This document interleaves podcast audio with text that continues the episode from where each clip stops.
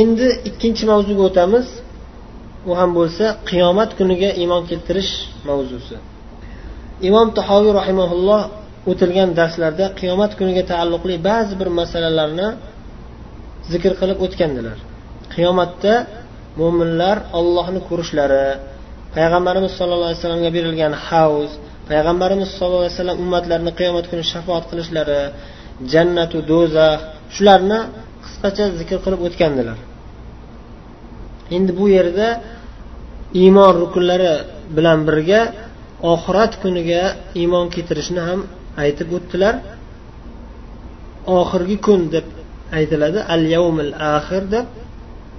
Oxirgi kun degani ya'ni oxirat kuni qiyomat kuni degani. Qiyomat kuniga iymon keltirish haqida alloh azza va jalla o'zining eng ulug' kalomi bo'lmish qur'oni karimda mufassal tarzda juda ham ko'p oyat karimalarda qayta qayta ta'kidlab zikr qilgan. Hatto qiyomat kunining dahshatlarini qiyomat kunidagi dahshatli voqealarni batafsil zikr qilgan. Insonlarni ana shu kunning juda ham og'ir ahvollaridan alloh azza va jalla qattiq ogohlantirib alohida alohida suralar nozil qilgan hatto. Voqea surasi al haqqa surasi takvir surasi infitor surasi inshiqoq surasi zalzala surasi al qoria surasi va hokazo. Qiyomat kuni eng dahshatli kun bo'lgani uchun ham alloh azza va jalla uni bir qancha ismlar bilan nomlagan. Qiyomat kunining ismlaridan al haqqa g'oshiya as attommatul at kubro hisob kuni qayta tirilish kuni as saa soat kuni qiyomat soati kuni yavmuddin din kuni jazo hisob kitob kuni. Va hokazo. Qiyomat kuniga iymon keltirish deyilganda bir qancha iymoniy masalalar kirib ketadi. Misol uchun birinchidan barcha haloyiq o'lib qayta tirilishi ikkinchidan qabrdagi fitna imtihonlar qabr ahliga bo'ladigan fitna imtihon.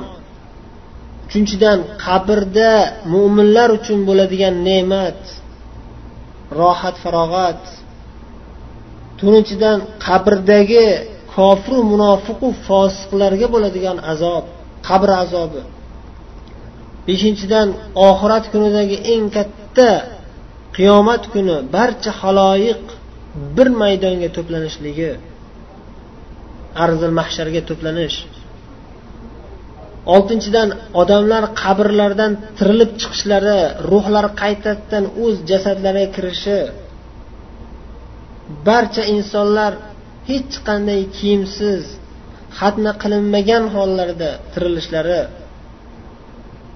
arzil mahsharga to'planganda alloh taolo quyoshni odamlarning boshiga yaqin qilib tepasiga olib kelib qo'yishligi ana shu maydonda hisob kitob asnosida odamlar bir biridan haq huquq bo'lganlar bir biridan qochishligi hatto ota o'zining farzandidan farzand o'zining otasidan yaqin yaqin o'rtoqlar bir biriga dushman bo'lib qochishligi va hokazo. Hamma faqat o'zini najotini o'ylab qolishligi. Men najot topsam o'zim najot topsam qolganlar nima bo'lsa bo'lsin degan ma'noda. Nafsiy nafsiy deb. Hisob kitoblar qiyomatda hamma tik turib ellik ming yil kutib turishgandan keyin boshlanishligi mo'minlar safidan munofiqlarni ajratilishligi mo'minlar buyuk eng ulug' mo'minlar allohning arsh soyasida bo'lishliklari payg'ambarimizga berilgan va boshqa payg'ambarlarga beriladigan havz havzlar payg'ambarimiz sallallohu alayhi vasallam va boshqalarning shafoatlari mezon tarozu. Eng katta dahshat eng katta qo'rqinchli narsa do'zax. Va do'zaxchidagi dahshatli tasavvur bo'lmaydigan azoblar. Do'zax ahlining terilari kuyib yo'qolib ketgandan keyin yana qaytadan ularga yangi terilari berilib yana ular kuydirilib va hokazo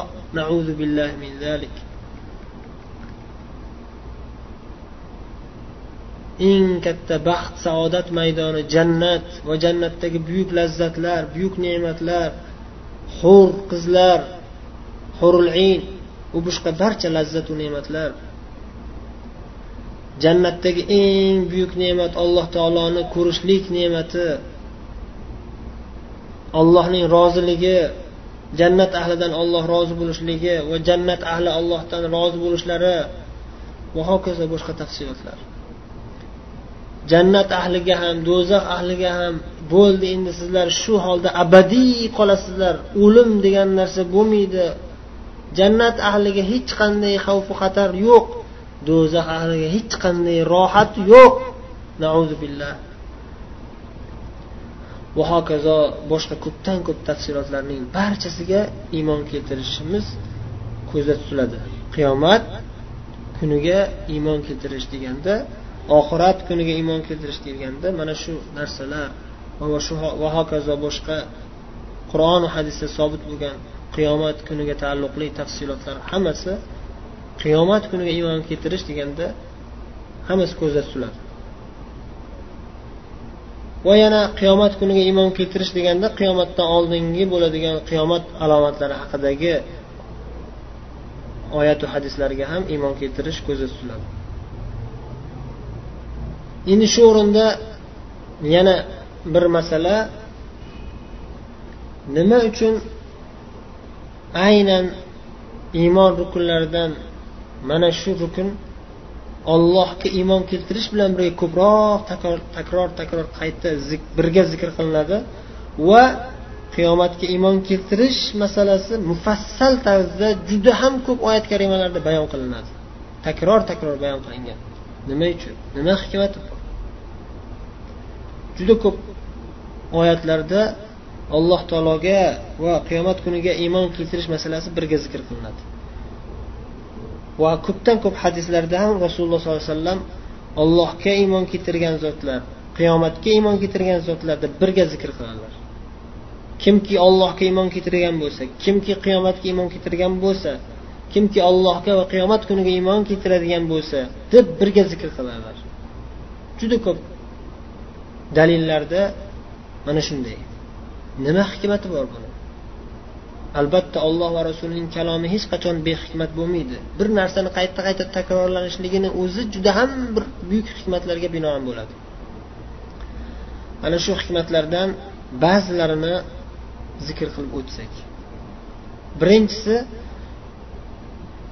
chunki insonning tabiati shunday yaratilganki inson bir narsaga amal qilishidan uning ma'lum bir ko'zlagan maqsadi bo'ladi. Nima ish qilmoqchi bo'lsangiz nima ishni ko'zlab qaysi bir ishni qilishdan bosh tortsangiz ham yoki qaysidir bir ishni qilishni xohlasangiz ham ana shuni orqasidan ko'zlagan maqsadingiz bo'ladi. Va ana shu maqsad ikki xil narsadan biri bo'ladi. Yo ma'lum bir manfaatni ko'zlaysiz yoki ma'lum bir zarardan ziyonkorlikdan ma'lum bir xatardan o'zingizni ehtiyot qilish maqsadida bir ishga qo'l urasiz yoki bir ishdan tiyilasiz. Xoh dunyoviy ish bo'lsin xoh diniy ish bo'lsin. Hamma odam shu ahvolda. Hamma odamlar shunday. Har bir ishida ma'lum bir maqsadni ko'zlab ish qiladi. Inson tabiati shunday yaratilgan. Inson doimo ma'lum bir narsalarga qiziqib yashaydi ma'lum bir narsalardan qo'rqib yashaydi. Ma'lum bir narsalardan qo'rqib ehtiyot bo'lib yashaydi. Hayot shunga bino bo'lgan. Shuning uchun inson doimo targ'ib bilan tarhibga muhtoj. Ma'lum bir narsalarga targ'ib qilib turilishi kerak ma'lum bir narsalardan qo'rqitib turilishi kerak ogohlantirilib turilishi kerak. Misol uchun bir insonga qandaydir yordam berish masalasini olib qaraydigan bo'lsak masalan bir kishi og'ir bir yukni ko'tara olmayapti ana shu insonga yordam bermoqchi bo'lgan bir kishi shu yordami orqasidan qandaydir bir maqsad ko'zlaydi. Shu bir insonga yordam berib qo'yadi va shu yordam berishidan qandaydir maqsadni ko'zlaydi qandaydir manfaat bor o'ziga o'shaning uchun yordam beradi. Yoki yordam bermaydi nimaga? Chunki yordam bermaslikdan ko'zlagan maqsadi. Yoki yordam bermaydi nimaga? Chunki yordam berishdan hech qanday foydasi yo'q deb hech qanday manga ta'siri yo'q foydasi yo'q yordam berishdan deb turib yordam bermay ketishi mumkin. Qaysidir bir insonda mana shu ikki narsadan bittasi kamayib ketsa o'sha insonni harakatlari o'zgarib ketadi. Masalan inson ma'lum bir narsadan qo'rqib yashaydigan ehtiyot bo'lib yashaydigan bo'lsa o'sha narsaga yaqinlashtiradigan ishlarni qilmaydi. O'sha narsadan uzoqlashtiradigan o'zi qo'rqadigan xavf xatarli deb bilgan zararli deb bilgan narsalardan uzoqlashtiradigan narsalarni bajaradi. O'sha xavfu xatarli zararli narsalarga yaqinlashtiradigan narsalarni tark qilib yashaydi. Agar shu xavfu xatar yo'qolsa agar shu xavfu xatar yo'qolsa ana shu xavf xatarga taalluqli bo'lgan ishlar ham bu odamda o'zidan o'zi ahamiyatini yo'qotadi. Shuning uchun qaysidir bir davlat rahbariga misol uchun kuzatuv uni tekshiruv uning ustidan bo'lgan kuzatuv va tekshiruvlar yo'qolsa u odam o'zidan o'zi haddan osha boshlaydi. Tug'yonga keta boshlaydi. Zulm zo'ravonligi kuchayib ketaveradi xullas kalom inson shunday tabiat bilan yaratilganki u inson doimo targ'ib tarhibga ma'lum bir narsalarga qiziqtirib ma'lum bir narsalardan ogohlantirib ogohlantirilib turishga muhtoj. Alloh taolo insonlarni qiziqtiradigan jannatni yaratgan va ularni qo'rqitib turadigan do'zaxni yaratgan. Va bu ikki olamni o'z ichiga oladigan qiyomat kunini belgilab qo'ygan. Va barcha insonlarni doimo ana shu kun bilan eslatib turilishlikni eslatib turishlikni taqdir qilib qo'ygan. Allohning dini qiyomatgacha bardavom bo'ladigan din qiyomatgacha bu din odamlarni qiyomatdan ogohlantirib turadi. Allohning azobidan ogohlantirib ollohning jannati marhamatidan umidvor qilib turadi. Hech qaysi bir zamonda hech qaysi bir makonda insonlar qiyomat eslatmalaridan xoli bo'lolmaydilar. Va bu narsa allohning insonlarga bo'lgan marhamati ham. Insonlar ushbu ogohlantirishlar tufayli o'zlarini isloh qilib yaxshiliklarga amal qilib yomonliklardan uzoq bo'lib yurishga harakat qiladilar. Ammo o'zini o'zi aldaydiganlar bu ogohlantirishlardan o'zini olib qochadiganlar ming harakat qilsa ham ming harakat qilsa ham baribir baxtga erisholmaydi. Baxtu saodatga erisholmaydi. Baribir ana shu inson qo'rqib turadigan narsalar bo'ladi. Ana shu insonni qo'rqitib turadigan narsalar bo'ladi. Qo'rqinchli narsalardan hech qayoqqa qochib qutula olmaydi. Har lahzada o'lim kelib qolishidan baribir omonda bo'lolmaydi. Undan tashqari o'zining dushmanlaridan ham hech qachon omonda bo'lolmaydi. Tasavvur qiling zolim kimsalar zolim podshohlar qilib yurgan jinoyatlari naqadar ham yomonligini o'zlari ham bilishadi. Va har lahzada ana shu jinoyatlari uchun bu dunyoda ham o'zlarining dushmanlari qo'liga tushib qolib sharmanda qilinib jazolanishdan qo'rqib yashashadi. Agar bu xatardan bu dunyoda qutulib keta oladigan bo'lsa ham lekin baribir o'lim kelishidan qo'rqib ularga o'lim hech qachon bu dunyo lazzatlari bilan lazzatlanishlikka ruxsat bermaydi hatto. Lazzatlanganday ko'rilsa ham lekin baribir ular baxt ichida yasholmaydi. Doim qo'rqib turadi. O'lim kelib barcha lazzatlarni barbod qilishini bilishadi.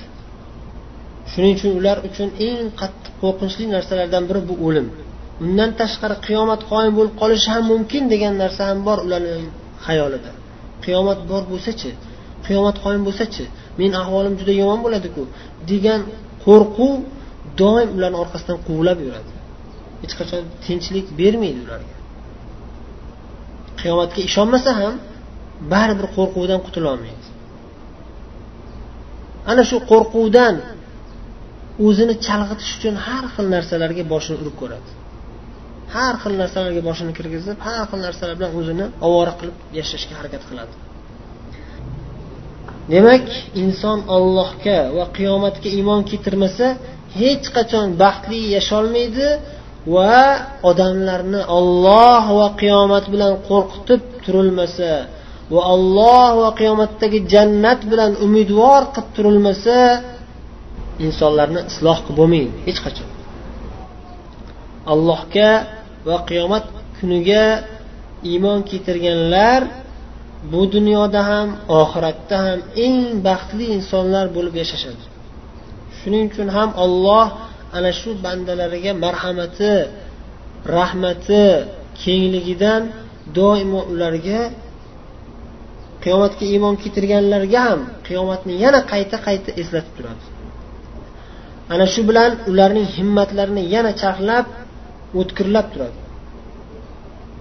Siz agar qiyomatni va qiyomat dahshatlarini jannatni jannatdagi juda ham buyuk ne'matlarni qancha ko'p yod olib eslab tursangiz bu dunyoda siz shuncha ko'p harakatchang bo'lasiz va sizdan olinadigan foydalar ham ummatga xalqqa odamlarga tegadigan foydalar ham barakotli bo'ladi. Juda ko'p odamlarga sizni foydalaringiz tegadi. Va ana shu odamlarning duoyi xayrlari ko'payib oqibatda sizga yana qiyomatdagi marhamatlar allohning marhamatlari ajru mukofotlari yana ko'payadi. Mana shunday bo'lsa naqadar ham buyuk baxt sizga. Mana shu narsalarni doimo yod olib ollohdan umid qilib allohning azoblaridan qo'rqib alloh taoloning yolg'iz o'ziga iltijo qilib yurish naqadar ham buyuk lazzat. Allohim barchalarimizni iymon halovatidan mahrum qilib qo'ymasin. Mana shu qiyomatga iymon keltirish masalasini qayta qayta takrorlanishlik hikmatlaridan biri. Ya'ni inson mana shunga muhtoj. Doim eslatib turilishi kerak. Insonni kuzatib turadigan insonni eslatib turadigan narsa bo'lmasa inson o'zini tuzatish qiyin. Insonni tepasida albatta bir kuzatuvchi bo'lishi kerak va u kuzatuvchi doim yaxshilikka undab yomonliklardan qaytarib turadigan bo'lishi kerak. Mana shu narsa qiyomatga iymon keltirish kuchliligi bilan bo'ladi. Qancha iymoningiz kuchli bo'lsa qiyomatga ana shuncha o'zingizga ham boshqalarga ham manfaatli bo'ladi.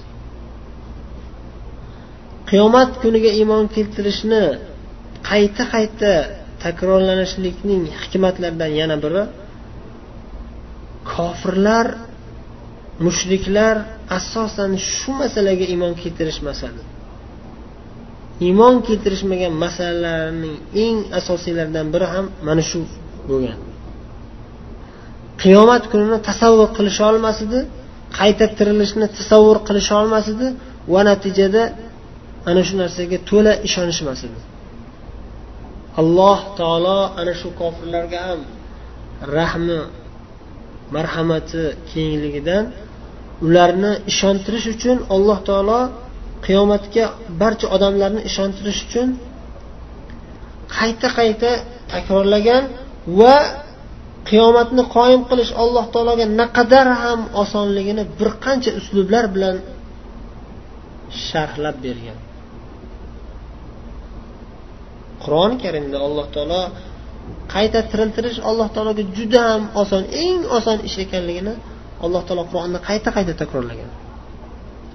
Maqsad odamlarni baxt saodatga yetkazish ana shunga iymon keltirishlari uchun.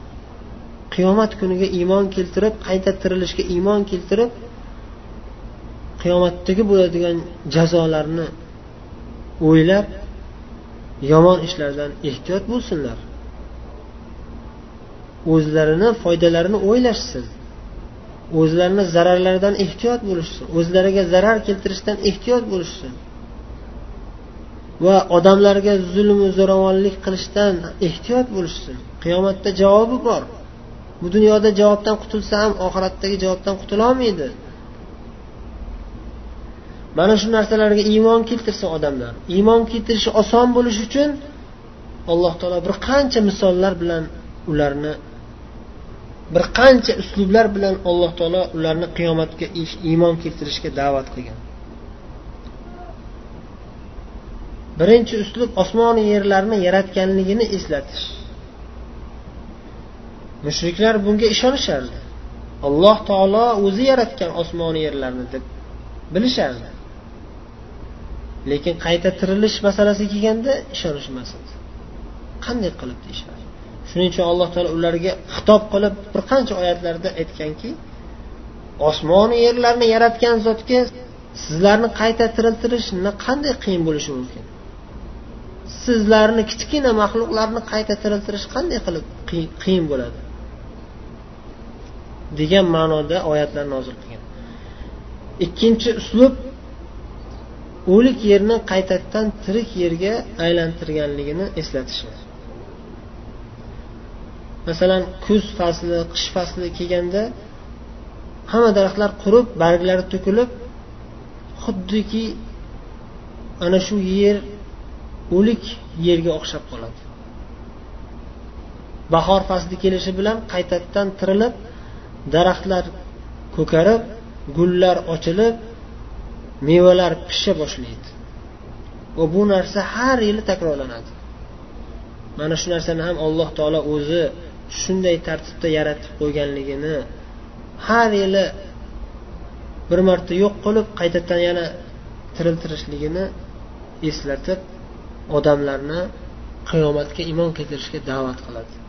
Ya'ni mana shu narsalarni har yili qayta o'ldirib har yili o'ldirib qaytadan tiriltiryapti alloh taolo mana shu yerni u daraxtlarni. Bu narsa sizlarga ibrat bo'lsin.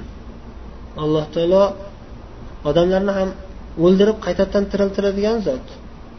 Insonlarni ham qayta tiriltirish xuddi shunday juda oson narsa.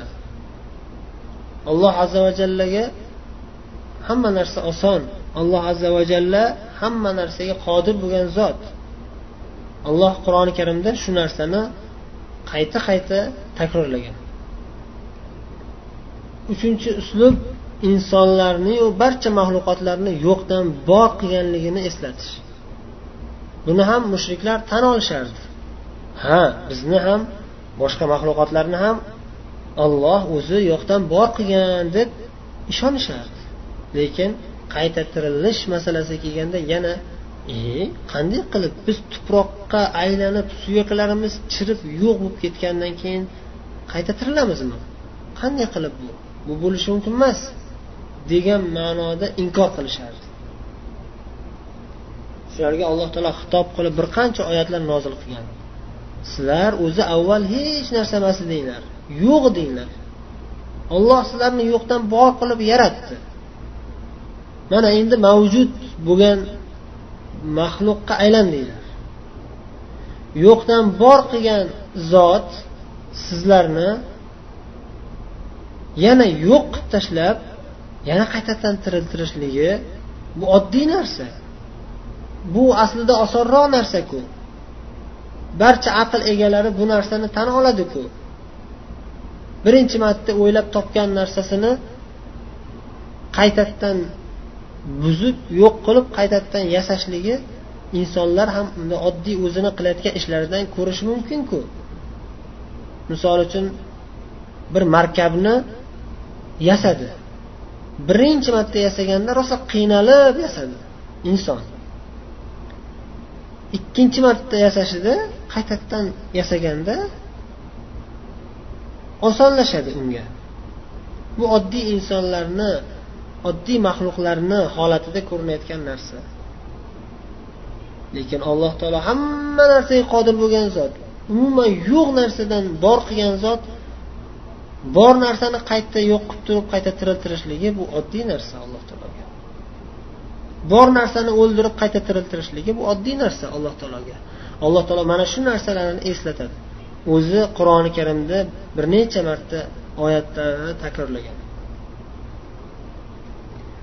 To'rtinchi uslub voqeda ko'rilgan amaliy misollarni ham alloh taolo eslatgan.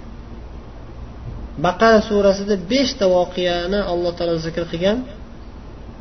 Ana shu voqealar juda ham mashhur bo'lgan voqealar tarixda. Mushriklar uni bu voqealarni yolg'onga chiqarisholmasdi chunki bu voqealar islom dini kelishidan oldin ham mashhur edi. Yahudu nasorolar va hatto arablar o'zlari ham ibrohim alayhissalom qissalaridan bilishardi. Shularni alloh taolo eslatib qayta tiriltirish masalasi allohga juda ham oson ekanligini xabar bergan. Toki bandalar insonlar qiyomatga iymon keltirishsin. Ana shu dahshatli kunga iymon keltirib mana shu iymon taqozo qiladigan amallarga amal qilib qiyomatga tayyorlanib turishsin. Alamli azobdan o'zlarini qutqarishsin. Jannatday buyuk rohatu farog'at diyoriga yetib olish uchun lozim bo'lgan amallarga amal qilishsiz degan ma'noda alloh taolo o'z marhamatini namoyon qilgan. Mana ko'ringlar qayta tiriltirish oson masala degan ma'noda. Mana shu voqealarni qisqacha xabari quyidagicha. Birinchisi muso alayhissalom qavmlaridan bir jamoa yahudiylar ollohni ko'raylik biz ham deb haddilardan oshgan oshishganda alloh taolo ularni o'ldirib qayta tiriltirganligi ellik beshinchi ellik oltinchi oyatlarida baqara surasida. Ikkinchi voqea yana banu isroil qavmidan bo'lgan bir inson boshqa bir jinoyatchi insonni qo'lida qatl qilinib keyin u qotil kimligini topisholmagandan keyin alloh taolo ularga bir yo'l ko'rsatib va ana shu yo'l orqali haligi insonni alloh taolo ozgina muddatga qayta tiriltirganligi va u odam tirilib o'ziga kelib uni kim o'ldirganligini xabarini berib yana qaytadan o'lganligi. Baqara surasining yetmish ikkinchi yetmish uchinchi oyatlarida zikr qilingan. Uchinchi voqea bir qavm minglab odamlar o'zlarining diyorlaridan qishloqlaridan qochib chiqishadi nimaga? U qishloqda bir vabo kasali tarqaladimi? Xullas o'limdan qo'rqib qochib chiqishadi. Boshqa joyga ko'chib ketishadi. Olloh ana shu odamlarning hammalarini bir lahzada o'ldiradi va yana qaytadan tiriltiradi. Ya'ni o'limdan qochib qayerqa borardinglar bu ham odamlarga bir ibrat bo'lsin uchun alloh taolo shunday o'zining hikmatiga binoan shunday qilgan. Baqara surasining ikki yuz qirq uchinchi oyatida zikr qilingan. To'rtinchi voqea uzayr alayhissalom qissasi. Ba'zi bir rivoyatlarda uzayr deb aytilgan lekin baqara surasida ismlari zikr qilinmasdan kelgan. Bir qishloqdan o'tib ketayotganlarida bu qishloq o'lik qishloq bo'ladi. Ya'ni bu yerda odamlar yashagan bir mahallari keyin yo'qolib ketishgan o'lib ketishgan. U qishloq xarobaga aylangan. Shu qishloqdan o'tib ketayotganlarida hayron bo'ladilar mana shunday xarobaga aylanib ketgan narsalarni alloh taolo qanday tiriltirarkan degan ma'noda. Ana shu shubha ana shu hayol u kishining miyalaridan o'tishi bilan darhol alloh taolo u kishini o'ldiradi va o'zlari minib ketayotgan eshaklarini ham o'ldiradi. Bu oradan yuz yil o'tadi. Yuz yil o'tgandan keyin alloh taolo qayta tiriltiradi. Mana shularni hammasini alloh taolo bitta oyatda xabar bergan. Qayta tiriltirib eshaklarni ham qayta tiriltiradi. Va bu voqea juda ham mashhur bo'lib ketgan. Shu voqeani ham alloh taolo ibrat uchun hikoya qilib bergan. Ya'ni qayta tiriltirish alloh taologa juda ham oson narsa. beshinchisi ibrohim alayhissalom qissalari ibrohim alayhissalom alloh taologa iltijo qilib aytadilarki arini kayfa tuhyil mauta قال أولم تؤمن قال بلى ولكن ليطمئن قلبي ey olloh menga sen o'liklarni qayta tiriltirishingni bir ko'rsatgin deb duo qiladilar shunda alloh taolo sen haliyam ishonmadingmi iymon keltirmadingmi degan ma'noda so'raganda yo'q alloh taolo men ishonaman seni o'liklarni qayta tiriltirishingga men iymon keltirganman. Lekin iymonim yanada ziyoda bo'lsin uchun qalbim yanada xotirjamroq bo'lishi uchun so'rayapman degan ma'noda javob qiladilar shunda alloh taolo u kishiga to'rtta qushni olib u qushlarni o'ldirib maydalab bir biriga aralashtirib keyin aylan atrofdagi tog'larga mana shu maydalangan qushlarning go'shtlaridan tarqatib chiqish buyuradi. Shunday qilganlaridan keyin o'ldirilgan to'rtta qushning go'shtlarini parcha parcha go'shtlarini tarqatib chiqqanlaridan keyin alloh taolo endi ana shu qushlarni chaqir o'zingni oldingga kelsin deb aytadi. Shunda ibrohim alayhissalom ana shu qushlarni chaqirganlarida ana shu qushlar ibrohim alayhissalom oldilariga yugurib keladi. Bu ham mashhur qissa. Bulardan tashqari iso alayhissalomga bergan allohning mo'jizasi alloh taolo qur'onda xabar berganidek iso alayhissalomga berilgan mo'jiza o'liklarni tiriltirish allohning izni bilan olloh o'zi xabar bergandek. Bunday voqealar tarixda bo'lgan va bularni alloh taolo juda ham mashhur qilganki aksariyat odamlar buni haqiqat ekanligiga to'la ishonishadi. Va bundan tashqari shunga o'xshash voqealar bizning ham ummatimizda ro'y bergan. Misol uchun bir mujohid kishi tarixda olloh yo'lida jihod qilish uchun ketayotganda oti o'lib qoladi. Shunda u kishi tahorat qilib ikki rakat namoz o'qib alloh taologa iltijo qilib yalinib so'ranglarki ey olloh meni jihoddan mahrum qilmagin. Meni otim o'lib qoldiyu jihodga bormoqchiman.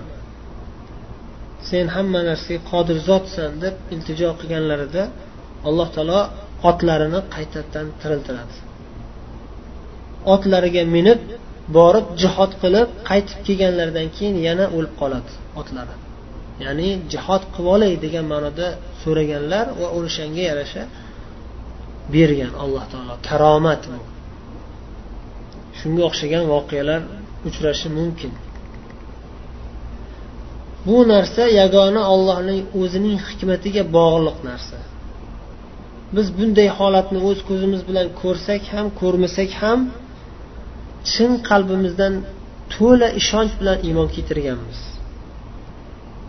Lekin bu yerda maqsadimiz shuki alloh taolo mana shunga o'xshash voqealarni o'zi xabar berib qayta tiriltirish alloh taologa juda ham osonligini eslatadi. Va shu masalani qayta qayta ta'kidlab eslatadiki odamlar shunga muhtoj.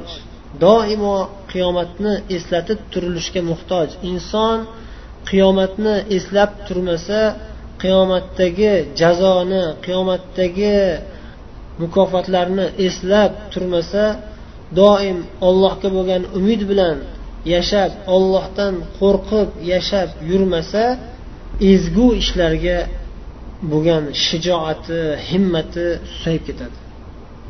Yomon ishlarni qilib qo'yishdan gunoh ishlarni qilib qo'yishdan bo'lgan qo'rquvi kamayib gunoh ishlarga qarab ketib qoladi.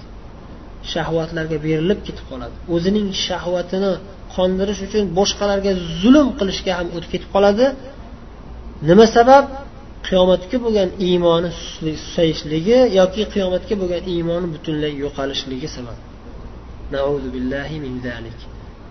Mana shu sabablar tufayli alloh taolo doim allohga iymon keltirish qiyomatga iymon keltirishni birga zikr qilib qayta qayta ta'kidlagan.